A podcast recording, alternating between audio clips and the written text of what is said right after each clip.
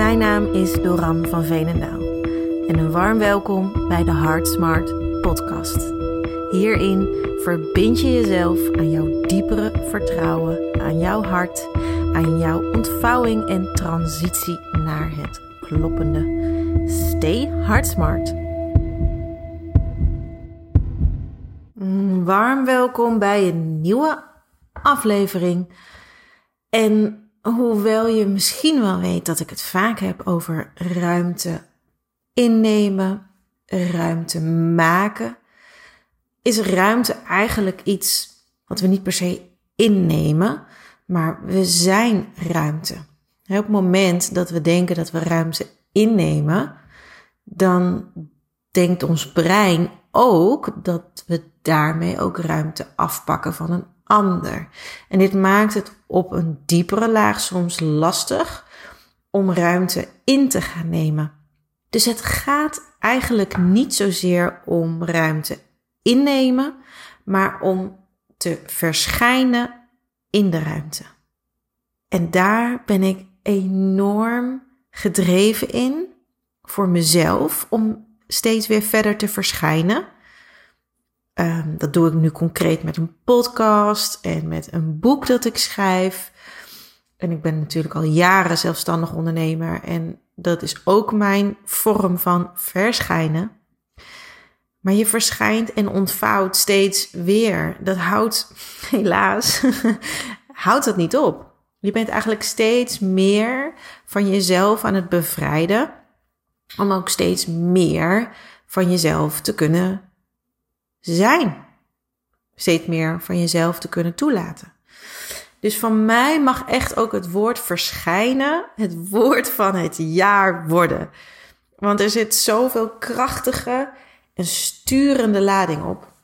En verschijnen gaat voor mij over, ja, gaat over opdagen. Het gaat over kiezen. Want als jij opdaagt, dan voel je dit, hè? Je voelt het van binnen. Niet zozeer opdagen ergens op een feestje, maar opdagen met je energie. Aanwezig zijn. Opdagen is namelijk een heel bewust iets dat je aanzet in jezelf. Je kan ervoor kiezen om aanwezig te zijn.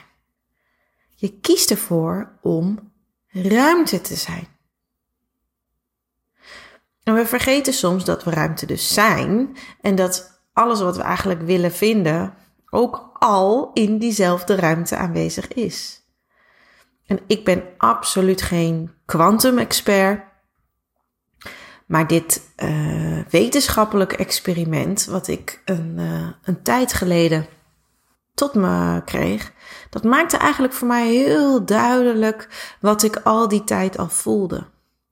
En dit experiment, daar kan je via de podcast of een nieuwsbericht uit mijn hoofd. Ik weet het niet meer, maar ik kwam via het NRC bij een artikel of bij een podcast, dat weet ik dus even niet meer, maar uh, dat, dat ging over hoe kwantumfysica ons wereldbeeld op zijn kop zet. Dus als je dat uh, opzoekt, dan kom je er wel.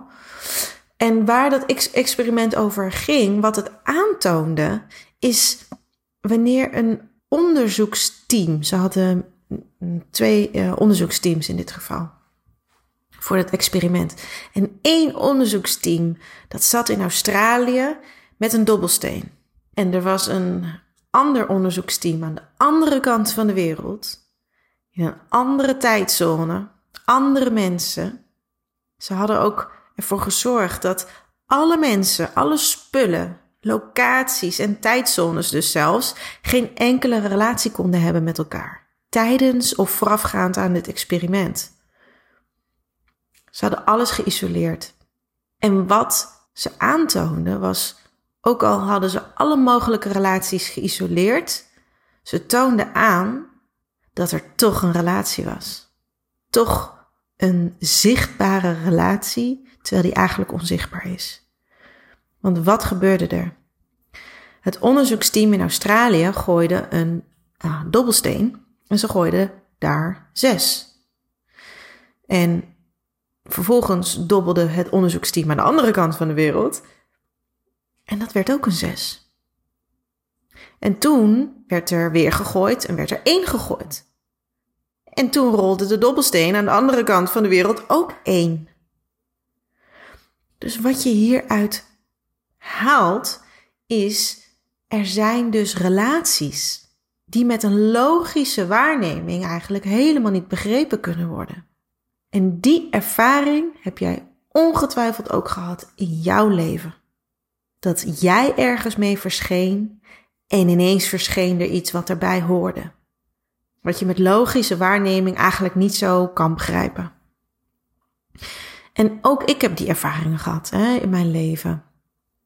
Toen, uh, toen ik er eigenlijk voor koos om te verschijnen um, in deze wereld, toen gingen eigenlijk andere mensen ook met me mee verschijnen.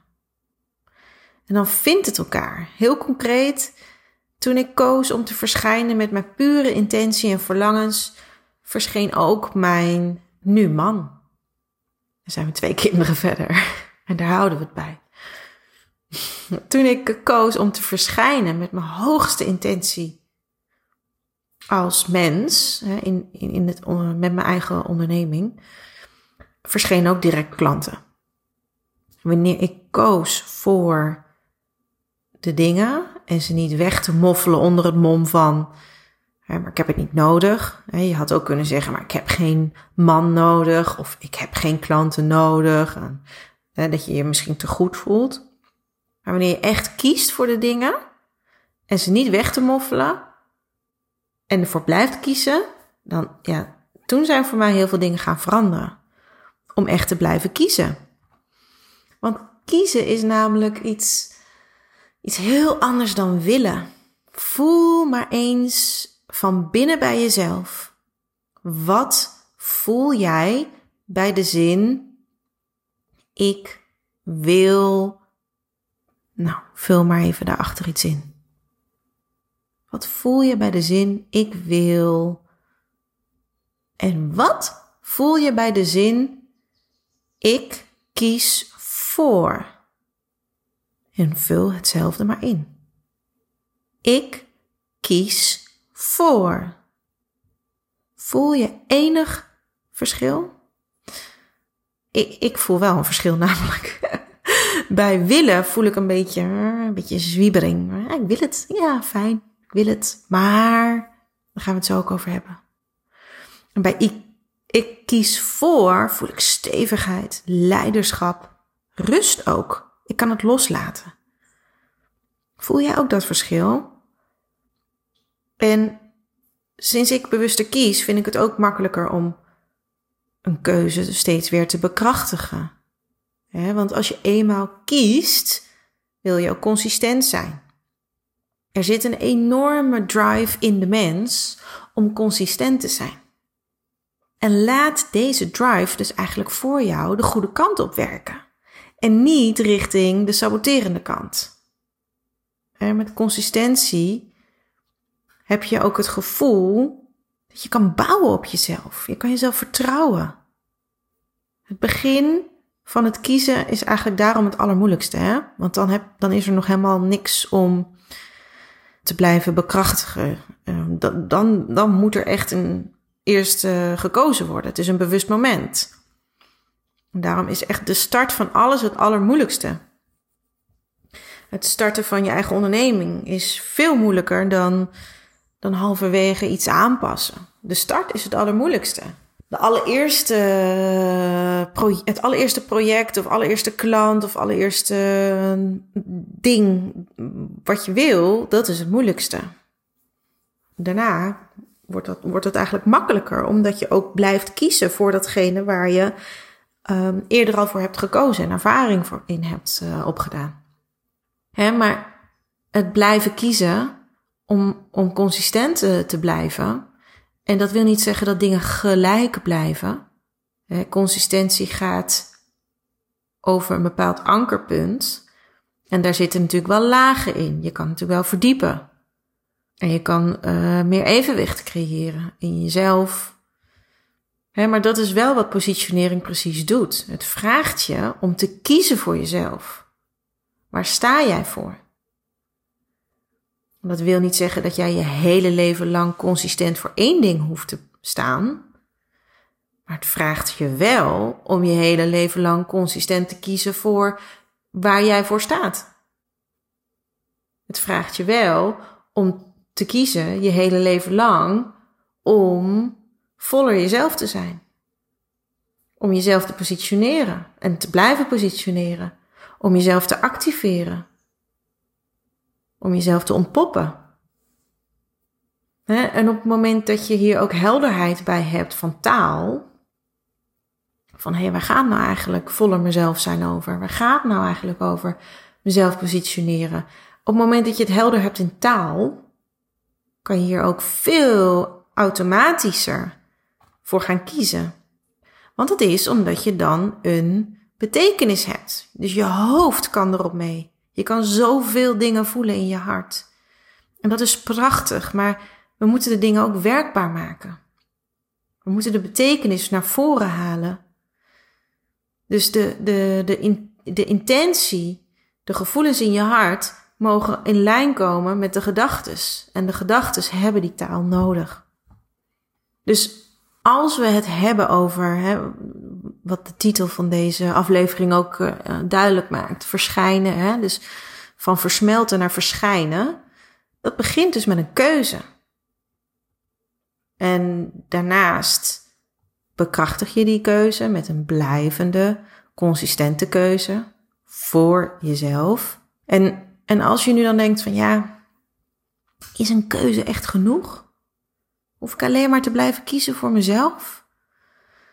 Dan zou ik zeggen, uh, een keuze is een fundament, is het fundament. Daarom is positionering ook het fundament. Zo vaak spreken klanten die, um, die een villa willen bouwen of een villa aan het bouwen zijn met, met, um, met hulp van een ondernemerscoach of een businesscoach. En dat is natuurlijk prachtig dat je die villa wilt bouwen. Maar op het moment dat het fundament er niet is, er is geen beton gegoten van, of er zijn geen wortels, laat ik het daarover hebben weer. Dat is mijn favoriete symboliek. Op het moment dat er geen wortels zijn, dan kan die boom maar moeilijk de hoogte in en die takken breder laten groeien. Er is dan geen draagkracht. Dus de keuze is het fundament. Daarom veranderen eigenlijk levens al op het moment dat iemand besluit om te investeren in zichzelf.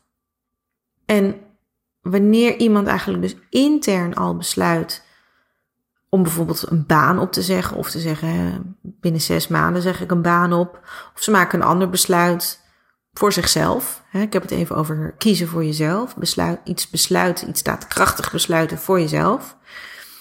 Op het moment dat je dat besluit alleen al maakt en er is nog, nog niet eens de, de, de acties die erbij komen of wat dan ook. Dus mensen maken een keuze om, om die baan bijvoorbeeld op te zeggen of uh, en dat houden ze nog in eerste instantie, voelen ze die keuze van binnen.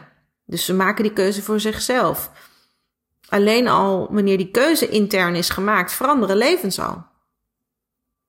En wat ik, ja, daar was ik eigenlijk best wel een beetje verrast door, moet ik je eerlijk zeggen. Ik had hem niet van tevoren ingecalculeerd. Ehm, maar ik zag dit verschijnsel enorm terug in mijn eigen positioneringspraktijk. Op het moment dat mensen namelijk besloten om te gaan werken aan hun positionering, dan, en we waren nog niet eens begonnen, dan, dan gingen ze zich al innerlijk steviger voelen. Alleen al door het besluit. En daar ga ik, daar ga ik later ook nog een, een uh, aflevering over opnemen. Want wat gebeurt hier? Hier breekt iets open voor mensen. Dat is een keuze, maar er gaat nog iets vooraf aan de keuze. Heel belangrijk, heel belangrijk. En daarom ga ik daar een hele aflevering over opnemen. Want het gaat over toestemming. Voordat je namelijk echt kan kiezen, heb je ergens ook een luikje open te zetten met toestemming. Niet zozeer toestemming van buitenaf. Die toestemming komt altijd van binnenuit. Maar na een besluit van hé, hey, ik ga dat doen of ik ga dat doen, komt er ook een fase van actie. Ja, daar is de actie hoor. Vinden mensen vaak heel fijn. We gaan ook wel, uh, het geeft ons een fijn gevoel ook om dingen te doen. En ik ben helemaal niet zozeer van vies van dingen doen, maar ik ben wel, ik heb echt moeite met dingen doen om het doen. Met de actie om de actie.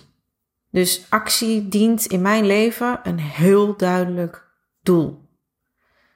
En wat er dus eerst gebeurt is het besluit om te verschijnen en vervolgens voeg je daar acties aan toe die hier recht aan doen. Die recht doen aan die verschijning. Over actie is natuurlijk wel heel veel te zeggen. En we willen dat het de juiste actie is. We willen dat we niet te veel tijd verliezen aan acties die eigenlijk niet kloppen voor ons. We willen ook liever niet vanuit wilskracht acteren, want dat doet een beetje zeer. Daardoor ben je misschien um, ook als eerder uit de bocht gevlogen. Ik hou echt enorm van geïnspireerde actie, zoals je dat kan noemen. Dus actie op basis dus van een inspiratievol moment. En ik voel dan ook echt gelijk wanneer het zover is. En dat is zo'n heerlijk gevoel. Het is eigenlijk alsof je meevliegt op een, ja, op een hogere inspiratie. En tegelijkertijd ook de juiste doorbraken ervaart om die inspiratie in de juiste actie te gieten. Dus je zou kunnen zeggen, hé, hey, dat is een soort pure co-creatie tussen jezelf en het geheel. die inspiratie die komt vanuit dat geheel die ontstaat. Dus het lijkt wel een soort magisch, uh, magisch, bijna ja, zo'n magisch gevoel, die geïnspireerde actie. En we vinden het ook zo lekker voelen dat we ook met gemak wachten. En dat kan soms flink lang duren hoor. Tot de volgende geïnspireerde flow. Maar het feit is alleen dat ik niet alleen maar ga bewegen op het moment dat ik de geïnspireerde actie voel. En heel eerlijk ga ik hier zijn, want geloof me, dat heb ik wel heel lang ook gedaan. Want als de verschijningsvorm klopte, dus op het moment dat je een goed idee hebt en je koppelt daar een uh, vorm aan vast, of een betekenis, en je gaat dat dan ook gelijk doen, ja, dan zie je gelijk, dan zie je dat gelijk in het resultaat. Hè? Als, die, als die verschijningsvorm klopt, dan gaan dingen gelijk stromen. Dan zie je dat het floot, dat het door, zijn doorgang vindt maar op het moment dat je dus ziet dat iets zo ontzettend goed kan werken, dan zorgt het er ook voor dat je in de tussentijd wel een beetje afwachtend wordt. En dat je eigenlijk gaat afwachten tot het volgende supergoede, supergoed werkende iets. Dus ja, wat ging ik doen? Ik ging ook alles ophangen aan geïnspireerde actie. En ik heb nog steeds de overtuiging dat het zeer prettig en lucratief is maar er is in de tussentijd nog steeds verschijningswerk te doen. Want het is natuurlijk wel, bij mij duurde dat even tot ik dat kon zien. Het is natuurlijk waanzin om te denken dat je alleen maar kunt creëren, uh, verschijnen of positie in kan nemen op het moment dat je daar de inspiratie voor voelt. Dat is toch niet het echte zijn? Het is, zijn is een continuum. Grote ideeën of ingevingen, die komen misschien wel vanuit die inspiratie. Maar daarna mag je ook wel de daadkracht behouden. Je mag jouw inspiratie actief houden door ervoor te blijven kiezen. Ook al voel je hem dan niet helemaal, je mag er wel voor blijven kiezen. En dat is waar werkelijke actie voor mij over gaat. En de vrouwelijke energie die zegt eigenlijk, weet je, doe het maar lekker vanuit verbinding. Want dat voelt toch zo fijn? Ja, dan voel je je zo verbonden met dat geheel waar die inspiratie vandaan komt. Die vrouwelijke energie wil eigenlijk gewoon helemaal versmelten met die verbinding. Met die bron waar de inspiratie vandaan kwam. Maar alles wat dus niet lijkt op die hele versmolten, geïnspireerde actie wordt dan ook afgedaan door onder het mom van Ja, maar dat is te veel wilskracht dan. Maar hoe gaat het voelen wanneer je kiest voor jouw verschijning in alle condities? Dus niet alleen ten tijde van de geïnspireerde actie, maar ook in de tijden van daadkracht. En belangrijk is om hierbij wel te noemen dat ik liever het woord daadkracht gebruik in plaats van het woord wilskracht, omdat het woord willen zoveel innerlijke verwarring eigenlijk brengt. Dus als je even kan, omzeil ook dat woord willen. Het, is, het is eigenlijk een beetje ingewikkeld. Willen heeft, heeft echt wel iets positiefs, een verlangen, maar willen heeft ook iets zeurderigs. En een lage trilling als je het mij vraagt. Willen is namelijk ook nog geen kiezen. Dat blijft voor mij ook echt een, een eye-opener. Weet je, neem eens een moment om na te denken over alles wat jij zou willen. Doe maar. Weet je, verzamel alle ideeën en gevoelens rondom wat jij wilt. Gooi ze allemaal op één hoop. Dat heb je vast al misschien eens gedaan in een meditatie of een visualisatie. Als je op het pad van persoonlijke ontwikkeling een tijdje al bent. Dat je wel eens hebt ingetapt op dat beeld van wat jij wilt. Gooi dat beeld eens even op een hoop en zak in dat gevoel van dat je dit zou willen. En als je nu diezelfde stapel neemt van verlangens en beelden, koppel daar is niet meer het woord willen eraan, maar het woord kiezen. Ik kies daarvoor. Ik stem erop af.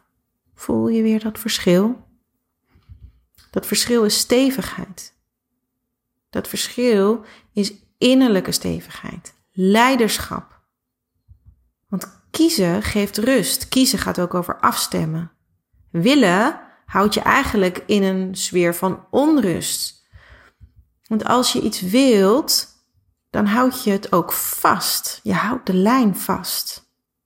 Probeert het naar je toe te trekken. Maar daarmee hou je dus eigenlijk de afstand tussen wat je wilt in stand. Dus, maar als je kiest, dan kan je daarna makkelijker loslaten. Willen voelt een beetje als jouw verlangen in een afwachtende modus. En juist omdat het afwachtend voelt, blijf je het willen. Het willen voedt meer van hetzelfde willen. Achter willen zeg je ook makkelijker, maar ik wil dit, maar. Dat is niet per se iets wat jij bewust doet, maar dit is heel erg taaltechnisch hoe wij geprogrammeerd zijn. Ik wil iets, maar. Mama, ik wil een snoepje, maar. ik wil een snoepje, maar mag niet van mama. hey, maar kiezen nodigt je uit om ervoor te blijven kiezen. Nou was dat snoepje niet zo'n goed voorbeeld. Want mijn kind mag zeker nog niet zelf kiezen of, um, of ze een snoepje krijgen. Maar kiezen nodigt je uit om ervoor te blijven kiezen. En als je het mij vraagt, voel ik bij kiezen gewoonweg veel meer kracht. Want achter ik kies komt er namelijk geen maar. Het is ik kies en klaar. Tuurlijk ga je uitgedaagd worden. Daar kom ik, het zo, daar kom ik zo nog even op terug. Maar misschien herken je dit wel, want ik dacht gewoon ook heel regelmatig dat daadkracht een beetje pijn zou doen. Ik heb mezelf namelijk echt nooit gezien als een daadkrachtig persoon. Ik weet dat heel veel mensen mij wel zien als een heel daadkrachtig persoon. Inmiddels. en dat is denk ik altijd al wel zo geweest. Ik had alleen die perceptie niet van mezelf. Ik dacht, ik heb geen daadkracht. Ik had gewoon ook heel veel dingen mee. Zo werd me vroeger ook verteld. op school ging me alles voor de wind. Ik had ook heel veel mazzel.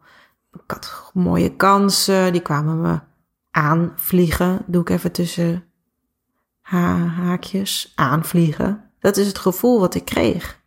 Het gevoel. Want diep in mij was eigenlijk het idee geboren dat alles wat ik doe en heb opgebouwd is ontstaan vanuit pure flow en fladdering in het leven. omdat het zo makkelijk leek, kreeg ik eigenlijk te horen: oh, de randje, oh, die komt er wel. Dus zo, dat, die heeft het gewoon goed voor elkaar. Het leek zo makkelijk allemaal. En ondanks dat het makkelijk leek, wat niemand natuurlijk echt zag, was dat ik gewoon keuzes, ja, echt keuzes heb gemaakt. Ik heb de kracht gepakt om dingen te doen. Ik heb de kracht gehad om op inspiratie te acteren. En dat was ook niet altijd. Voor mij was dat de meest makkelijke optie, omdat ik mijn inspiratie hoorde. Maar ik moest wel ook nog wel kiezen. Dat stuk zag niemand. Dat, dat gebeurde bij mij van binnen. En het is, trouwens heel grappig, want vanmorgen had ik een, uh, een van mijn beste vriendinnen aan de lijn.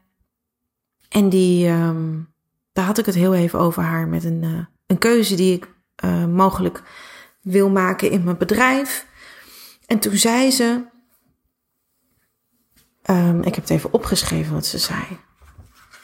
Ze zei um, vanuit, ze zegt ja, jij, jij, jij kiest ervoor om vanuit jouw innerlijke zelf, zeg maar, dingen te ontdekken. Je neemt ruimte om te verkennen van hé, hey, um, wat gebeurt er in mij? Wat mag ik kiezen? En, en, en voor mij voelt dat dan misschien als normaal. Uh, maar zij zegt, ja, ze zei, ik zou dat doodeng vinden om dingen echt naar binnen te trekken. Echt naar binnen te trekken en daarna te kijken, wat ga ik kiezen? Heel veel mensen, dat wist ik dus ook niet, niet eens, durven het niet eens naar binnen te trekken. Omdat ze daar al bang zijn voor. Wat, wat doet dat dan? Misschien brengt het wel verwarring. Of misschien word je dan inderdaad uitgenodigd om een andere keuze te maken. Voor heel veel mensen is, is dat gewoon natuurlijk ook heel spannend. Net zo goed dat dat nog steeds voor mij ook zo is. Maar goed, ik koos er dus voor. Voor heel veel dingen. ik koos er ook voor om uh, bijvoorbeeld geen genoegen te nemen met een stomme stage. Ik was, uh, hoe oud was ik? Um, ik denk 21. Toen studeerde ik voor de eerste keer af.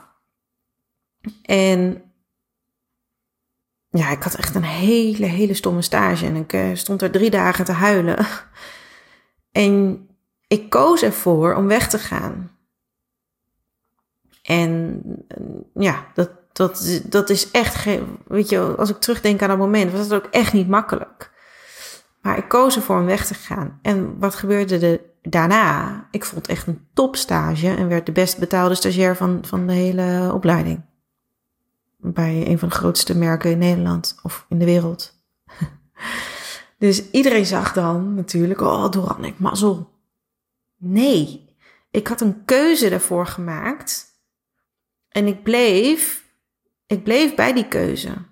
Van er mag, ik kies voor iets anders.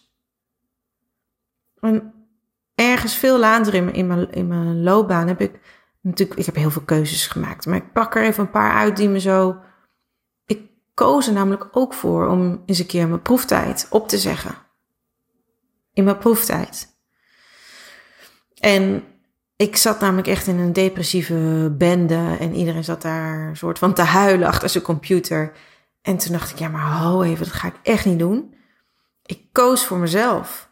En die keuze kostte me echt 6000 euro. Want ik kreeg natuurlijk geen WW en ik, heb, ik had zelf gekozen om weg te gaan. En ik had ook natuurlijk best wel even wat tijd nodig om weer even wat nieuws te, eh, te vinden wat past. En dat heb je niet met een maand gedaan. Ja, of je neemt weer iets waar je concessies doet. Maar ik kies voor de dingen die bij mij passen. Net zoals dat ik ook voor het ondernemerschap koos. Ik koos voor mijn hart. Ik koos ervoor dat het zou slagen en groeien. En het is ook, ik, ik zie, ja, ik had gewoon geen mazzelmomenten. Het waren creërende momenten. Momenten waarop ik koos voor de positie waarop ik mezelf idealiter zie. Dat is een keuze. Een keuze waar je op af kan stemmen. En momenten waarop ik koos, kwam er ook altijd geïnspireerde actie. En wanneer ik geïnspireerde actie had, kon ik daarna blijven kiezen. En iedereen die in mijn jongere leven heeft gezegd: Oh, wat een mazzel, Doran. Of de welbekende: oh, Nou, dat heb je maar weer goed voor elkaar. Bedankt. Bedankt dat je mij op het verkeerde been hebt gezet. Bedankt dat je mij niet hebt laten voelen hoe moedig eigenlijk mijn keuzes waren om daar te komen. En bedankt dat je dus eigenlijk mijn verschijning niet hebt onderkend. Het eerste dat ik, ja, het eerste dat ik eigenlijk probeer te zeggen, althans, bij iemand die een moeilijke keuze heeft gemaakt, of überhaupt een keuze van enige waarde. Hè? Keuze voor wat je op je boterham doet. Dat laat ik nog even terzijde. Maar het eerste wat ik zeg is: wat moedig. Weet je, dat is blijkbaar mijn eigen gemis. En want als je iemand zijn of haar moed ziet, dan zie je ook de spanning en de creatiekracht die iemand dus heeft moeten overbruggen om daar te komen bij die keuze. En als je zegt, joh, wat fijn voor je, die nieuwe stage, of die nieuwe baan, of die nieuwe klanten, of weet ik het, weet je, wat fijn voor je, wat lekker, wat leuk, goed gedaan, dan eer je eigenlijk ook niet iemand zijn of haar eigen creatiekracht. Want je focust op het resultaat en niet op het proces. En als je focust op het resultaat, is, ja, dan, dan zo krijg je faalangst geboren. Kiezen is daarom ook spannend. Want kiezen triggert enorm de angst dat het gekozene niet gaat lukken. Toen ik zelf op een keuzekruispunt stond en nog steeds ook sta, om mijn eigen positionering wat meer te gaan verbreden of niet, kwam eigenlijk deze angst weer naar boven. Hè, wat als ik ervoor kies om meer mensen te helpen met een persoonlijke positionering op een manier hè, dat het breder gaat dan alleen branding en communicatie? Nou, die keuze heb ik wel lang al geleden al gemaakt. Die verbreding, daar ben ik al al jaren op werkzaam. Positionering zie ik echt als echt in de breedste zin van het woord. Positie innemen, verschijnen. Het gaat niet alleen over je boodschap. Het gaat ook over leiderschap. En, maar de mensen, en dat gaat trouwens ook over je leven, positie innemen in je leven.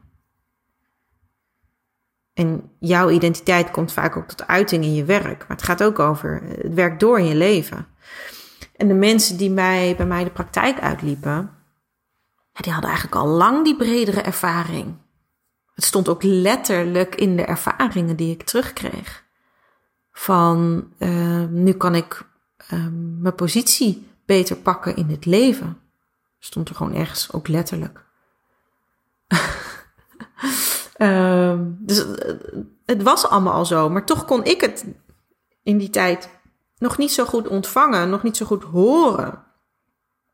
Omdat ik zelf de keuze er nog niet voor had gemaakt. Voor die positie. dus wat, wat als ik ervoor kies om mijn geluid breder aan te bieden? Bijvoorbeeld ook zoals met dit boek. Breedte zit in, in allerlei dingen. Breedte zit in meerdere mensen tegelijk helpen. Breedte zit in um, je doelgroep verbreden uh, breedte zit in een bredere vorm. Nou ja, zoals dit boek. Dit is voor mij een keuze om mijn geluid breder aan te bieden. Ja, ik dacht natuurlijk ook, wat als ik kies voor het boek?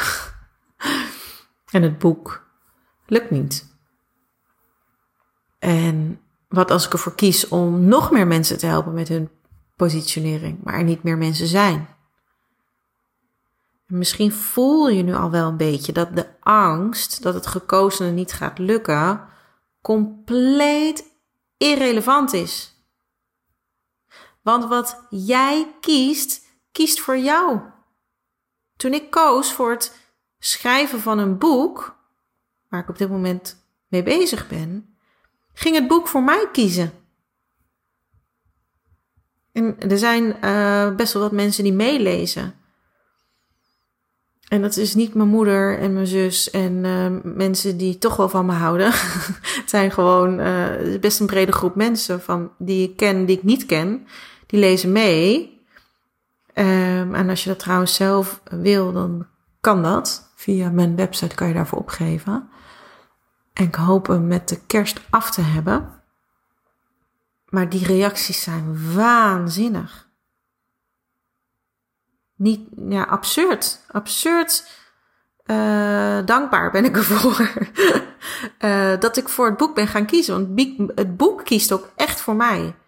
Het boek voelt dat ik voor het boek kies en geeft mij alle goede inspiratie.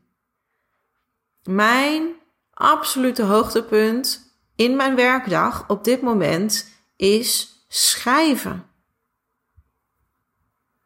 Ik vind het heerlijk.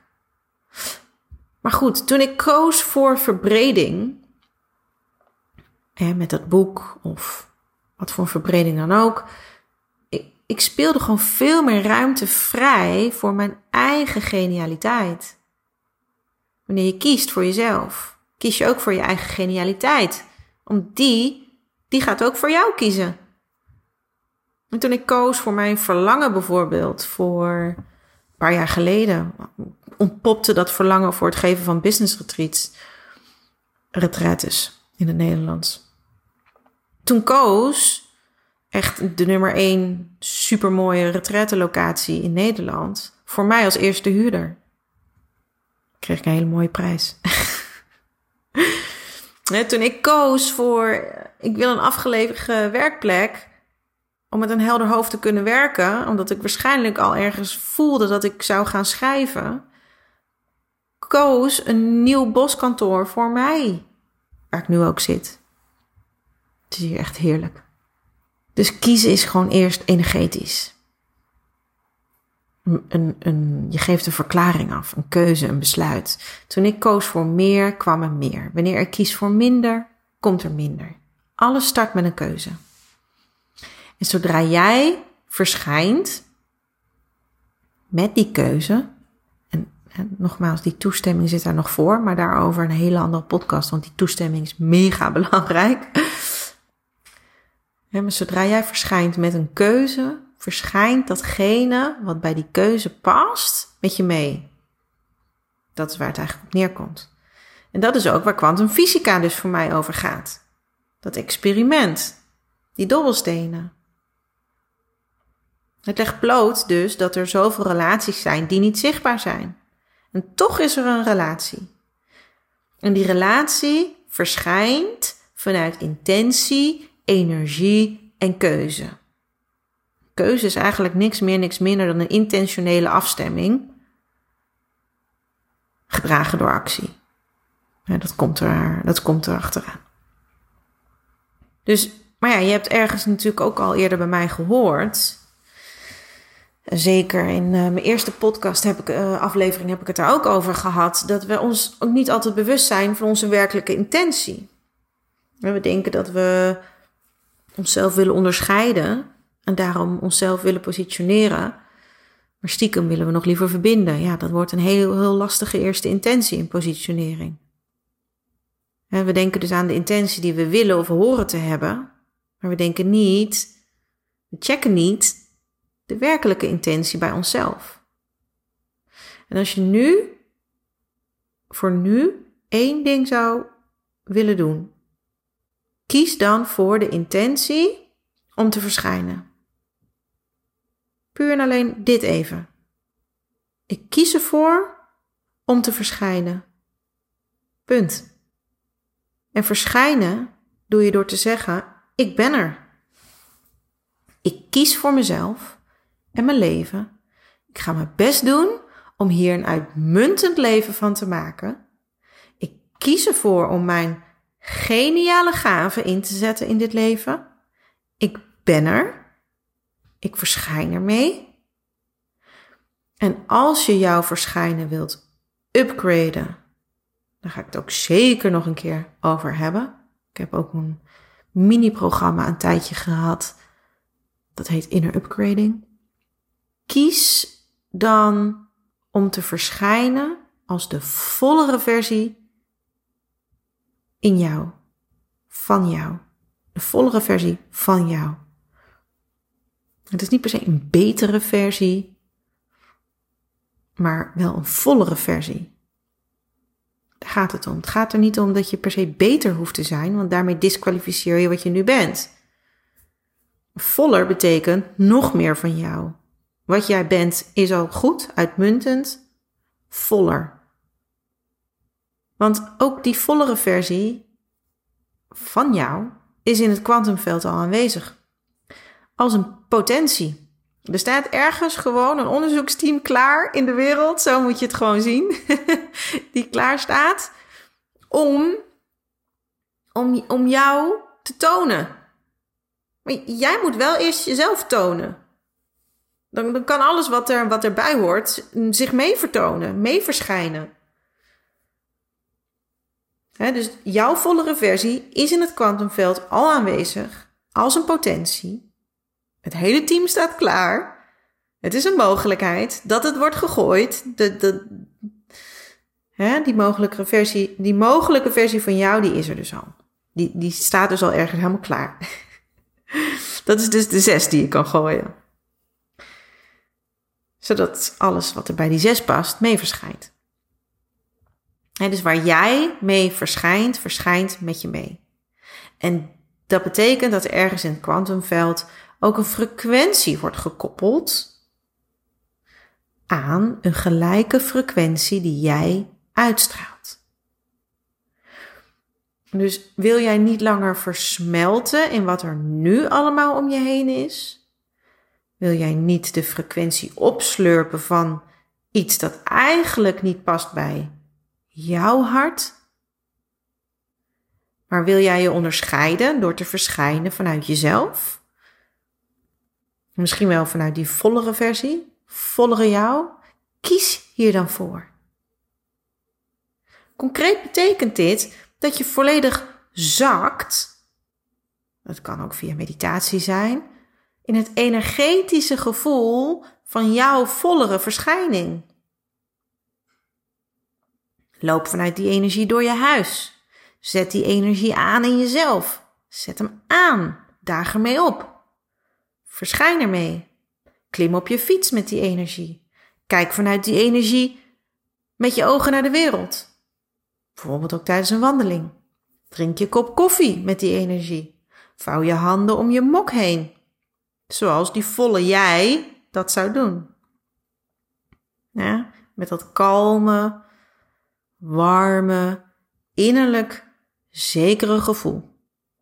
Want ik durf te wedden dat jouw vollere zelf heel kalm is, of in ieder geval rust ervaart, warmte ervaart, volheid ervaart en een bepaalde zekerheid ervaart. Ik wil niet zeggen dat je dat nu niet ervaart, maar de vollere jij ervaart hem voller. Geef ook bijvoorbeeld andere mensen de dingen die jij hen zou geven als jouw vollere zelf. Benader mensen op die manier.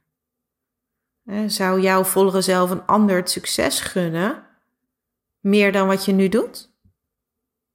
Kijk, afstemmen is iets waar we gewoon even ook moeite voor moeten doen. Hè? En ik vertrouw um, ja, dat je in ieder geval bij deze bewust bent geworden van dat je überhaupt een verschijning bent. Want daar komt de indrukking vandaan. En als je weet dat jij schijnt, verschijnt, iedere dag weer, kan je hier ook voor kiezen.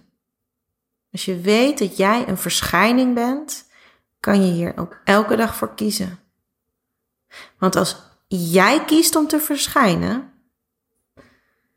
um, dan kan je nooit versmelten. Ik hoop dat deze podcast jou brengt naar het punt dat je voller kan verschijnen vanuit je hart. Uh, word je blij van de podcast? Vind ik het super fijn als je een recensie achterlaat. Of een deelt in social media, zodat andere mensen met ons mee kunnen verschijnen. Vind ik prachtig. Dankjewel alvast daarvoor. En tot volgende keer. Doeg!